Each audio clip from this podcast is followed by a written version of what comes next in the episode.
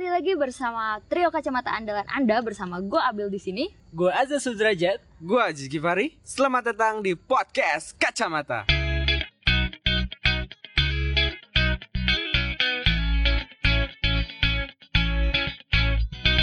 Assalamualaikum warahmatullahi wabarakatuh. Kembali lagi bersama kita di sini setelah berapa pekan ya? Sebulan ada ya, Ji? Sebulan lebih. Ini vakum terlama atau gimana sih? Enggak, tiga, Tiga pekan. Sama kayak yang sebelumnya tiga pekan juga. Oh iya, gini ya delay emang berkat corona kita juga jadi delay. Tapi malam ini ada yang spesial, Jis. Yoi. Pakai sate telur. Apa tuh? Ya lu apa ya? Bel, apa? Spesialnya apa nih malam ini? Ada ada bintang tamu baru di podcast kacamata kita. Wih. Wih. selalu manggil orang luar ya? Iyalah, biasa emang kita kan eh, kacamata go internasional sebentar lagi. Sebelumnya Bukan sebentar lagi sih, emang udah, emang udah semakin terdepan. eh kita mengundang seorang mahasiswi yang sekolah di Turki di Marmara University, and then eh, udah punya dua anak, Jis. Hebat nggak tuh? Gaul banget kan? Jadi jadi ibu, jadi ibu di luar negeri sambil belajar. Nah, kita mau belajar banyak nih dari sosok inspiratif kali ini. Kita panggilkan Mbak, silakan Mbak, kenalkan namanya siapa ya Mbak? Kenalan nih, Iyalah, kenalan Bang. Belum banyak yang tahu.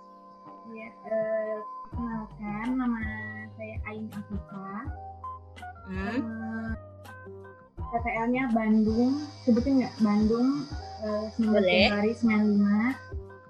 Oke. Eh, status menikah anak dua. Yang pertama namanya Yaus Ubaidillah Aziz dan yang kedua namanya Aisyah Mahdia Aziz. Terus saat, eh, apa namanya juga mahasiswa di Mara University jurusan eh, teologi Islam Itu mirip-mirip Oke. sama lu, Bil ya? belum lulus lulus Bedanya gue belajar semuanya, nggak cuma Islam doang. Oh iya sih. Terus Bang, lanjut. terus apa lagi ya Eh, kalau oh eh, alamat di Indonesia-nya di Pangalengan Kabupaten Bandung Oke. kalau ada yang tahu Pangalengan Tahu lah. gitu terus kalau di Istanbulnya di daerah bagian Asia namanya Üsküdar di Istanbul Hmm. ya mhm. terus apa lagi? Sibukan sekarang Bang? sibukan sekarang kuliah eh, kuliah habis itu sambil ngasuh anak sama itu sih terus ya bareng suami lah gitu bareng bareng udah gitu Oke. Kalau ada di Turki dari tahun berapa? oh iya. Eh, ke Turki itu 2014 kebetulan waktu itu eh, apa dapet beasiswa apa namanya pemerintah Turki namanya YTB 2014 ini. Terus tahun pertama itu Tomer belajar bahasa Turki. Setahun setelah itu 2015 baru mulai kuliah.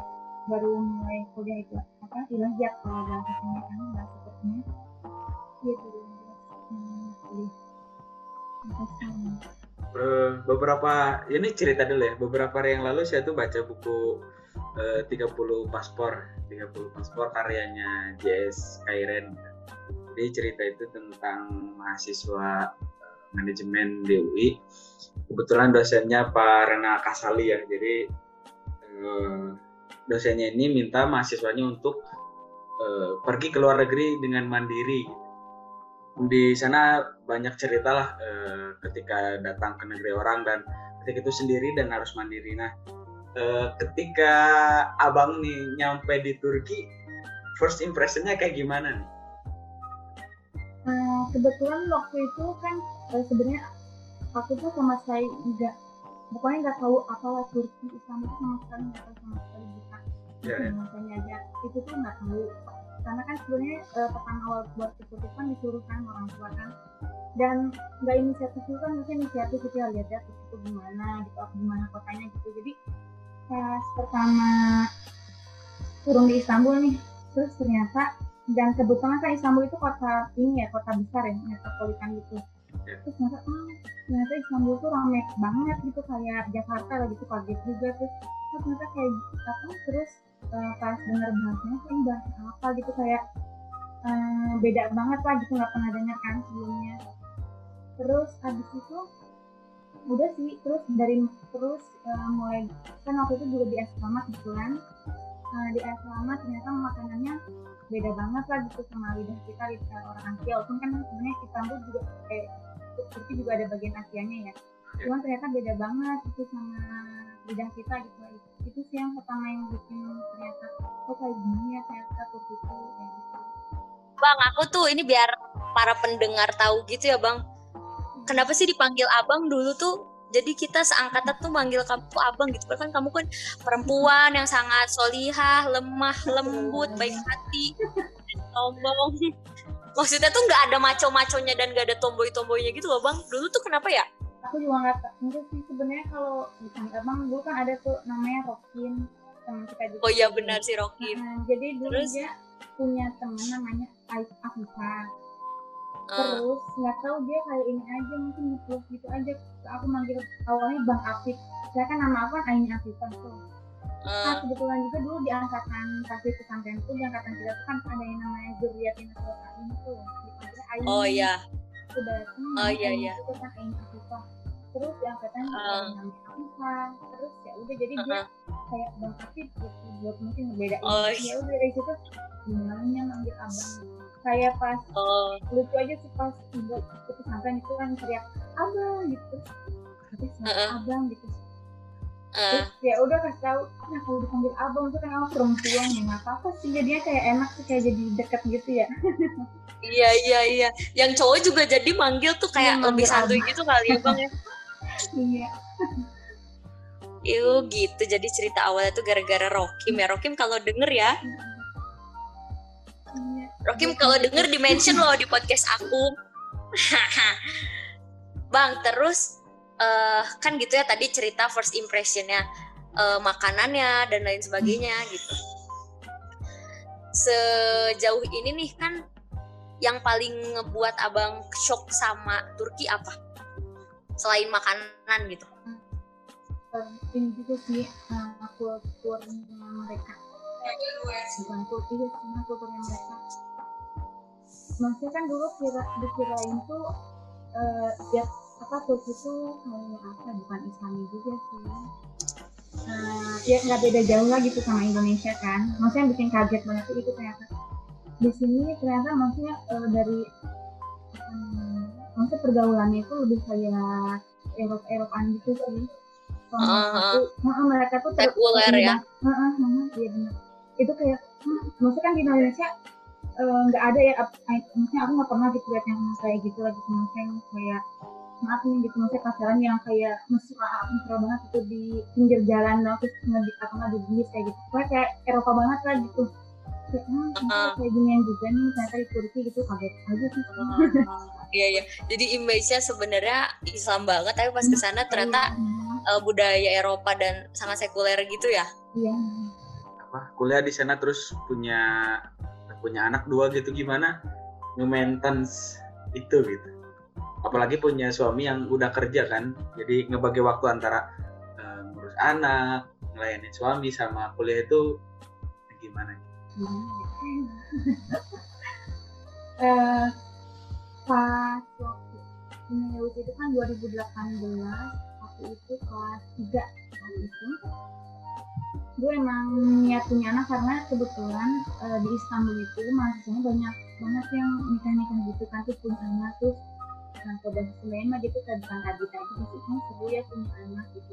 Tanpa memikirkan ya bakalan gimana ke depan tuh gak mikirin gitu nggak tahu gitu kayak blank gitu. Terus ternyata pas ada lahir bagus gitu eh, ternyata masya allah gitu apa ya eh, lumayan berat gitu misalnya eh, kuliah juga terus ngurus anak juga terus ada suami juga. Dan kebetulan dulu tuh eh, rumah kita tuh jauh dari kampus terus eh, jauh dari kampus ya karena jauh dari kampus ada anak juga kan kadang anak ada sakit ada sakit misalkan terus eh, ada terus misalkan ya karena mikir jalannya ter- terlalu jauh gitu kasihan anak gitu jadi ya udah deh nggak usah masuk dulu kelas gitu. Jadi eh, pas kelas itu lumayan apa ya turun gitu loh mulai perkuliahan itu pokoknya turun lah gitu mulai TK gitu tapi alhamdulillah juga maksudnya eh, dikasih kemudahan gitu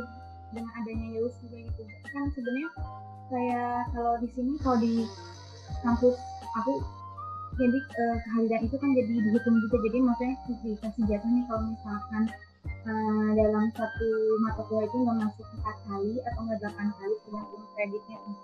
Jadi kita nanti kalau misalnya udah 8 kali nggak masuk kelas jadi kita nanti bisa aja nggak lulus walaupun nggak terbesar gitu.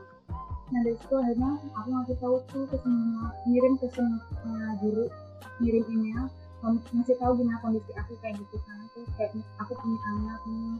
Terus nanti uh, maaf nih kalau nggak bisa masuk tiap hari itu tapi nanti boleh nggak tetap masuk di ujian kayak gitu.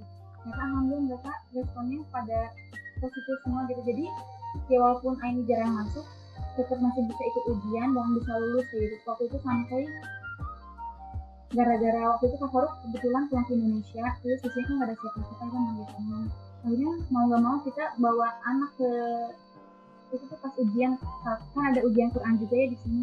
Karena bilang ya.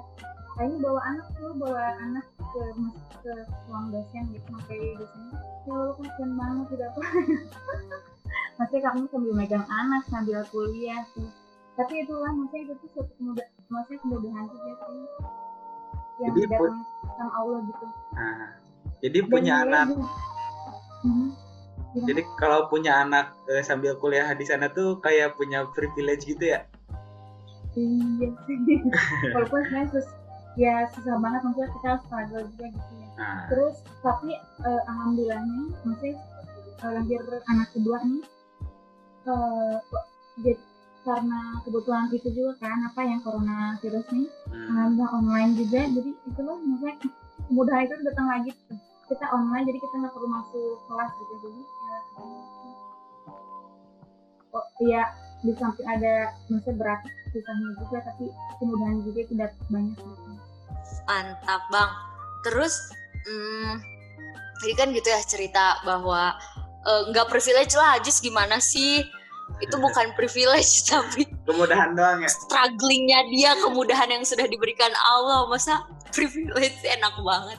Bukan maksudnya pasti ada eh, suka dukanya, maksudnya pasti banyak lah dari sekadar yang diceritain tadi ke kita gitu ya bang. Cuman eh aku pengen nelisik dari ini abang kan udah udah berarti udah jatuhnya enam tahun lah ya bang ya sama tahun ini Hmm. tahun ke-6 gitu di Hmm. sana. Gimana sih eh apa ya maksudnya hal-hal yang harus diperhatikan nih buat mahasiswa atau teman-teman pendengar podcast kacamata yang mau datang ke sana gitu. Kira-kira apa aja sih yang harus diperhatikan?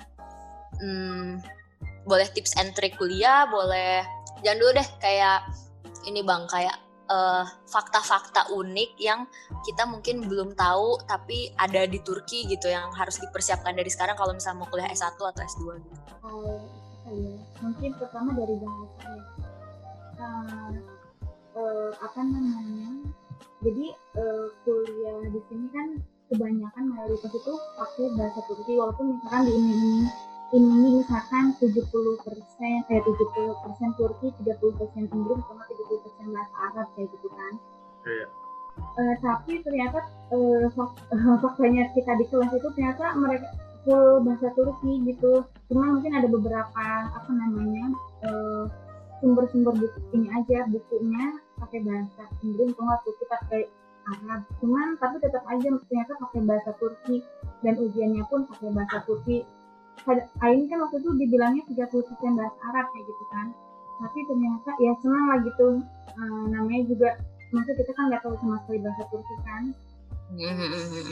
dan ternyata maksudnya Turki yang bahasa Turki yang sangat hese gitu susah sampai sekarang aja kayak su- kesusahan gitu kita gitu sih. Padahal mah kalau bahasa Arab mah udah hatam lah ya bang gitu udah ada iya, udah nggak ada lah sih. dikit-dikit Tapi tuh- gitu. anehnya tuh ya karena bahasa belajar bahasa Turki ini tuh kayak ya Inggris aku jadi ya Inggris jadi hilang ya bahasa Arab jadi hilang tapi ya bahasa Turki juga nggak maju-maju gitu kan sedih tapi ya itu mungkin uh, maksudnya kadang orang Indonesia masih ada yang masih mikir kalau bahasa orang Turki itu pakai bahasa Arab kan ya kadang ada yang bilang kayak gitu iya tapi ternyata pakai bahasa Turki kayak gitu dan itu tuh kita harus ini jadi kayak kita sebelum kuliah itu uh, kayak ada inilah kursus bahasa Turki setahun gitu. Gitu nah, terus di sini kalau apa ya ya itu sih kalau misalkan uh, apa yang saya perhatiin untuk kuliah kayak gitu kecuali uh, kuliahnya kayak di itu ya di swasta gitu mungkin mereka ada yang full bahasa Inggris sama bahasa oh, Arab iya, kayak iya. gitu.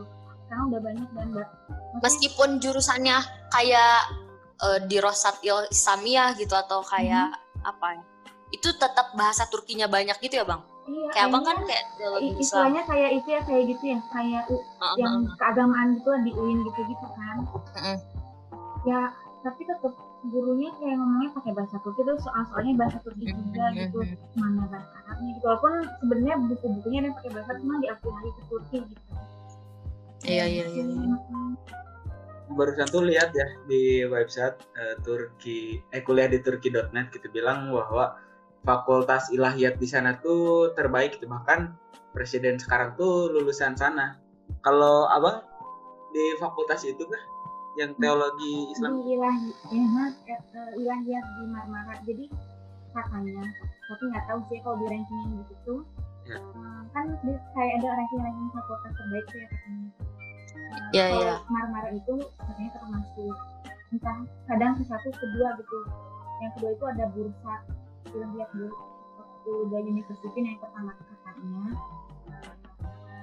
Eh, kayak gitu. Mantap abang enggak ya kayak gitulah Ah, Terus ah, ah. eh, kalau yang tadi dibilang apa presi- presiden lulusan sana ya apa gimana? iya deh kalau nggak salah Erdogan Tapi sih oh enggak Erdogan itu ini lulusan eh, jurusannya jurusan beda kalau nggak salah lupa Ah. ekonomi entah apa gitu. Cuman kampusnya sama Marmara. oh Menurut saya cuman dia kayak ngedukung banget ini siapa namanya jurusan ini ya. Hmm, terus katanya ini juga ya eh, yang dibaca di web tuh pusat penelitian dan pendidikan Al-Quran. Ini aku ini sih bang kayak pernah denger gitu ya bang. Eh makanya aku beberapa kali sih pernah diskusi juga ya ke abang ya. Jadi kan kalau di Indonesia tuh ada so- salah satu ustadz lah ya di Indonesia pernah bilang gini bang. Jadi kalau di Indonesia itu sebenarnya geliat dakwah Islamnya tuh udah kayak cukup besar gitu. Jadi maksudnya makanya sekarang banyak mungkin ya artis hijrah ya salah satunya gitu. Tapi itu bukan dalam konteks negatif tapi justru baik gitu. Jadi geliat dakwah Islamnya tuh sudah cukup banyak di masyarakat tetapi mungkin kita masih punya eh, maksudnya kayak pemimpinnya belum bener-bener kayak mence- mencerminkan Islam justru kayak ya ada justru di atas banyak benturan-benturan gitu ya bang. Tapi kalau di Turki itu katanya kebalikannya gitu. Jadi kayak pemimpinnya tuh mencerminkan Islam tetapi bawahnya tuh eh, maksudnya kayak masih banyak masjid yang kosong kalau sholat kayak gitu-gitu. Itu sebenarnya faktanya gimana sih bang? Bisa diceritain nggak kayak ngeliat dakwah Islam di sana gimana? Kalau eh, aku lihat aku lihat dan dengar-dengar cerita orang lain itu maksudnya emang kalau dilihat dari zaman-zaman sebelumnya ya maksudnya eh, kepemimpinan sekarang tuh emang lebih ini sih maksudnya lebih maksudnya pergerakan Islam itu lebih inilah lebih bagus gitu dibanding sebelumnya Saya dari mulai maksudnya banyak pembangunan masjid terus eh, apa namanya banyak pokoknya yang berbau-bau Islam itu emang didukung banget kan di sini banyak kayak ini ya apa tokoh-tokoh tuh NGO apa ormas ya kayak banyak lah yang maksudnya yang kayak eh, banyak yang didukung gitu sama Ah, ah, ah. pemerintahan gitu nah Terus abis itu kan kalau dulu kalau zaman zaman dulu tuh 2010 gitu kan eh, yang ngambil jurusan ini tuh dulu, dulu ada kakak kelas ngambil jurusan sama kayak ini mereka itu inilah maksudnya masih pakai wig gitu ke kampus nggak boleh pakai jilbab kayak gitu. Nah pokoknya eh, katanya maksudnya setelah zaman eh, permintaan permintaan sekarang ini masih boleh pakai jilbab lagi terus anak-anak udah mulai boleh pakai jilbab. Lagi kan dulu katanya anak SD apa TK gitu tuh nggak boleh pakai jilbab. Habis itu kan di sini juga kayak ada ini ya eh, apa namanya pesantren sih macam seni pesantren gitu. Dulu tuh nggak boleh pakai jilbab tuh kalau sekolah di situ terus sekarang boleh lagi. Kayak gitu. Oh. cuman eh, ya tapi pada faktanya maksudnya eh, si masyarakatnya tuh ya masih banyak juga yang sekulernya tapi ya yang dia suka dengan keislaman ya makin semangat aja gitu buat um, gituin keislamannya kayak gitu. Cuma banyak juga yang sekulernya di sini. Tapi kalau tentang masjid tuh dia tadi kan bilang masjid masjid kosong itu benar sih maksudnya mas, mas banyak di sini kan banyak banget, yang masjid kayak di langkah ke depan tuh ada masjid terus sampai kayak tuh banyak banget masjid kayak gitu tapi nggak ada orangnya kayak gitu. Tapi kan itu bentuk usaha buat ngehidupin lagi Islam ya gitu. Walaupun Oh, isinya ya iya, belum iya. terlalu banyak kayak gitu. Heeh, heeh. Kayak gitu dia. Ya, anak-anak pemuda hijrah kayaknya harus dikirim ke sana bil Betul banget sih. Kayak menghidupkan masjid-masjid di sana gitu ya. oh iya tapi tuh sekarang lumayan tuh ada eh, satu kayak macam NGO gitu kan dia Aha. sering ngadain gitu kayak ada misalkan apa memperingati itunya al fatih tuh dia ngadain acara kayak sholat apa namanya waktu itu aku ikutan sholat subuh eh tahajud sama subuh di depan Ayah Sofia kayak gitu. Ya itu tuh kan mungkin kalau masanya zaman dulu kan mungkin nggak bakalan didukung dan nggak dibolehin ya. Nah, Mhm, mhm. iya terus ngadain gitu terus banyak banget sih makanya terus eh, apa lagi ya, kayak yang buat ngedukung dukung Palestina kayak gitu gitu banyak Ngomong-ngomong Ayah Sophia, Bang, kemarin kan sempet rame tuh, Bang. Eh, tanggapan orang-orang Turki sendiri gimana sih? kan ya eh, apa namanya ada yang eh, maksudnya ada yang pro ada yang kontra ya banyak juga sih yang kontra Ma- makanya tuh eh, sekitaran kayak Sofia itu dijaga sama polisi gitu kan kayak gitu Mm. ada yang izin protes juga maksudnya nggak suka kayak gitu terus Mhm. yang pada suka ya pas perempuan kemarin pada datang ke depan Ayah Sofia itu terus Mhm. Eh, besok juga kalau nggak salah bakalan dibuka gitu misalnya di sini kira buat apa buat sholat kayak gitu besok buat sholat Mhm. Jumat. perdana gitu katanya dipakai untuk masjidnya gitu. kan kalau ada yang bilang maksudnya eh, yang ya yang sekuler gitu yang pernikahan Aha. status gitu kan ya, maksudnya ngapain jadiin masjid gitu ya udah jadi muslim aja kayak gitu kan Aha, aha. mungkin ya ada yang suka ada yang enggak gitu saya juga saya juga pernah eh, apa ya pernah mikir gitu sih. Kalau fair fairan gitu ya. Karena kan dulu ayah Sofia ini diperuntukannya buat katedral ya. Terus di tahun 1453 Al Fatih dapat Konstantinopel terus ayah Sofia jadi masjid dan tahun berapa tuh? 14 eh 1943 atau 53 kalau nggak salah yang Mustafa Kamal itu dijadiin Iya. dia museum gitu. Kalau Iya. kalau ini pemikiran sekuler saya ya kalau mau fair-fairan ya ya jalan tengahnya ya museum gitu. Tapi kalau dilihat-lihat lagi sih dulu banyak masjid di Andalusia ya banyak dijadiin gereja. Ya sama aja sebenarnya. Iya mikirnya juga uh, sempat ngobrol tuh sama suami sih ngapain di jadi masjid gitu kan lagi jadi itu tuh eh, satu komplek jadi samping kan kiri eh Sofia depannya itu kayak satu kan kan langsung Sultan Ahmed kan dan mikir Hmm. uh, iya mikir lagi masih ingat yang ngapain dua masjid gitu di tempat yang satu komplek itu makanya kalau sama-sama kosong gitu kan tapi kalau misalkan uh, ingat tadi bisa maksudnya cerita kata kata gitu kata kalau kata itu kita dulu mungkin kita menangin misalnya Nabi itu kan buat misalnya dihidupkan lagi Islamnya gitu kan jadi kan kayak itu jadi wasiat itu misalnya kalau ayah saya itu uh, ya jadiin masjid kayak gitu Oh iya sih. kan kita orang sholat orang muslim gitu Tapi jadi bisa jadi ikon Islam lagi gitu loh dengan dijadikan masjid gitu ya.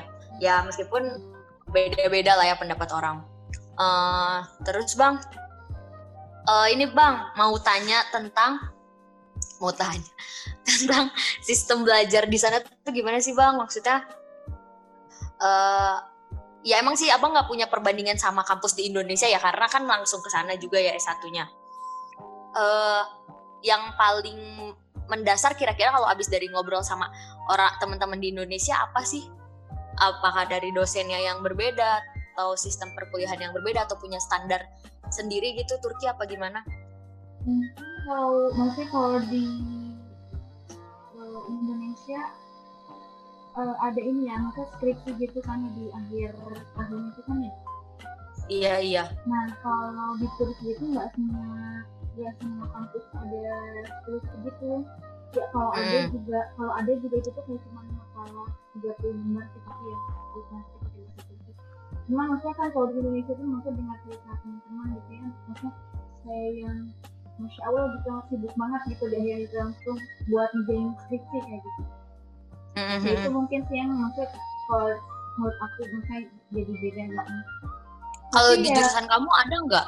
ah, kebetulan kalau jurusan lain ini ada ini makalah dia ka- makalah Ah. buat halaman sikatnya maksimal itu ya pakai Ah. bahasa Turki kayak gitu tapi kalau Oh, iya. teman-teman ini gitu teman-teman dari ini mereka nggak ada sama sekali apa skripsi cuma biasanya Ah. kalau jurusan teknik gitu mereka punya project project project gitu Oh, iya iya iya iya.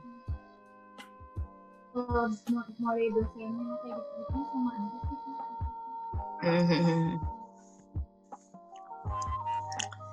Eh, mungkin ini bang ada kayak pesen-pesen lah buat temen-temen di sini. Tuh Ajis ada pertanyaan terakhir nggak sebelum closing statement? Ajis satu aja, Lan- lanjut dulu aja lanjut nggak? Jat ada Jat? Kalau di Turki itu kan eh, saya beberapa pernah gitu ya berkunjung di apa namanya pusat pendidikan Turki yang ada di Indonesia ya. Dan kalau misalkan saya lihat itu eh, apa namanya kedisiplinan itu tinggi banget gitu. Apakah emang itu budaya Turkinya di sana juga kayak gitu atau emang itu hanya sistem pendidikan yang dibawa ke Indonesia sih, Bang? Eh, maksudnya kedisiplinan gimana? Hmm, kayak misalkan eh, sampai cara duduk gitu kan. Nah itu tuh kalau misalkan yang di Indonesia yang pernah saya datangin tuh sampai diatur gitu gitu. kalau misalkan di maksudnya di perkuliahan itu nggak ada sih kayak misalnya kalau sampai kayak di sekolah itu nggak ada sih maksudnya sejauh sejauh yang aku lihat mungkin apa ini ya kalau yang eh, menurut ini apa kayak ada di sini tuh kayak apa sih namanya Eh, sekolah tahfiz gitu di sini tuh ada. Jadi eh, sekolah tahfiz gitu. Katanya sih maksudnya eh, emang eh, disiplin banget di situ. Maksudnya dari mulai pakaiannya terus cara misalnya gimana di dalam kelasnya kayak gitu sih katanya gitu.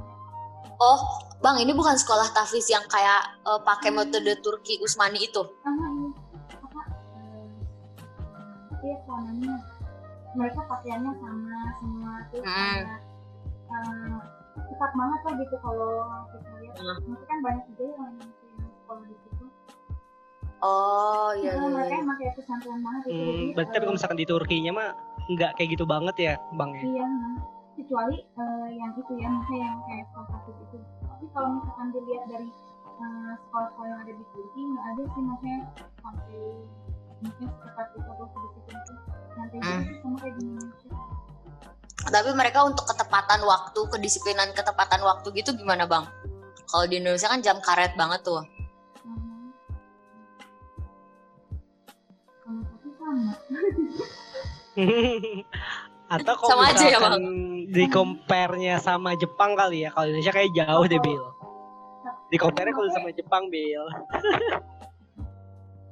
Kayak di sini kan jam sekolah atau nggak jam kerja itu kan mulai dari jam 9 kan jadi kita eh, sekolah sekolah itu jam 9 kayak gitu. Kalau di Indonesia jam 7 atau jam 9 gitu. Kalau di Indonesia. Dari jam kalau 9 sekolah jam tujuh setengah delapan Iya kan kalau SMA SMA kan jam 7 ya kita mulai. ya ya Kalau kuliah kelasnya jam 9 kayak gitu. Dan eh, apa namanya kalau di perkuliahan itu malah kita mau keluar tiba-tiba dari kelas aja nggak tanpa izin aja tuh biasa aja kalau di sini. Aku juga kaget sih maksudnya kita kan orang Indonesia maksudnya nggak enakan gitu ya. Hmm. Eh, Oh, oh, oh. maksudnya pengen keluar kelas sih maksudnya pengen ke kamar mandi ada nih temen Aing orang Indonesia eh, laki-laki terus dia kan minta izin jadi dosennya lagi ngejelasin terus dia minta izin mau minta ke belakang gitu Terus, terus dia ngangkat tangan izin mau ke kamar mandi eh, dia udah pergi tuh keluar terus kata dosennya ngapain dia minta izin? Bisa keluar nggak keluar aja kayak gitu minta diketahui. Terus aku ada di situ kan ya Allah.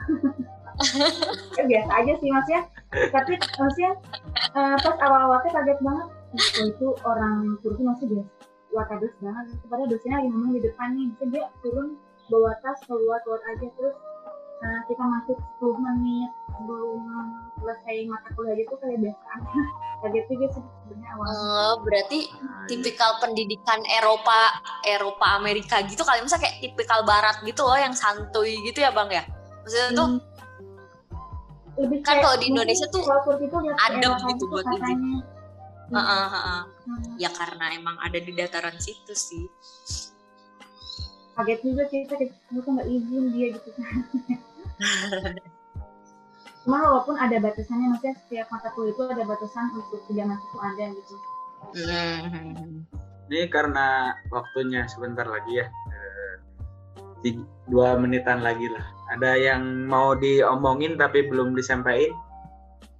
oh, oh, bang buat para pendengar podcast kacamata Eh, oh, pokoknya eh, setelah apa ya ada adanya anak gitu maksudnya di antara kita tuh maksudnya kita belajar kita eh, belajar gitu di sini kan terus eh, konflik maksudnya kan itu kalau kita kadang kalau kita maksudnya kadang orang lihatnya maksudnya itu sebagai beban ya gitu ya. Nah, kadang juga kita kalau di situ ya Allah, um, berat banget. Terus kayak ngerasa anak itu beban, tapi uh, kadang suami tuh ngingetin lagi gitu, maksudnya "Ya, ngapain jadiin anak itu beban, maksudnya ngapain jadiin anak itu beban gitu, jadiin aja itu kayak sebagai ladang ibadah kita gitu. Nah, Masya Allah. Mhm, maksudnya eh, ya walaupun kita eh, apa banyak eh, capeknya gitu lelahnya gitu tapi kalau misalkan eh, kita jadinya itu ibadah maksudnya tidak bakalan jadi pahala gitu juga kan? Terus jadi pengen iya benar.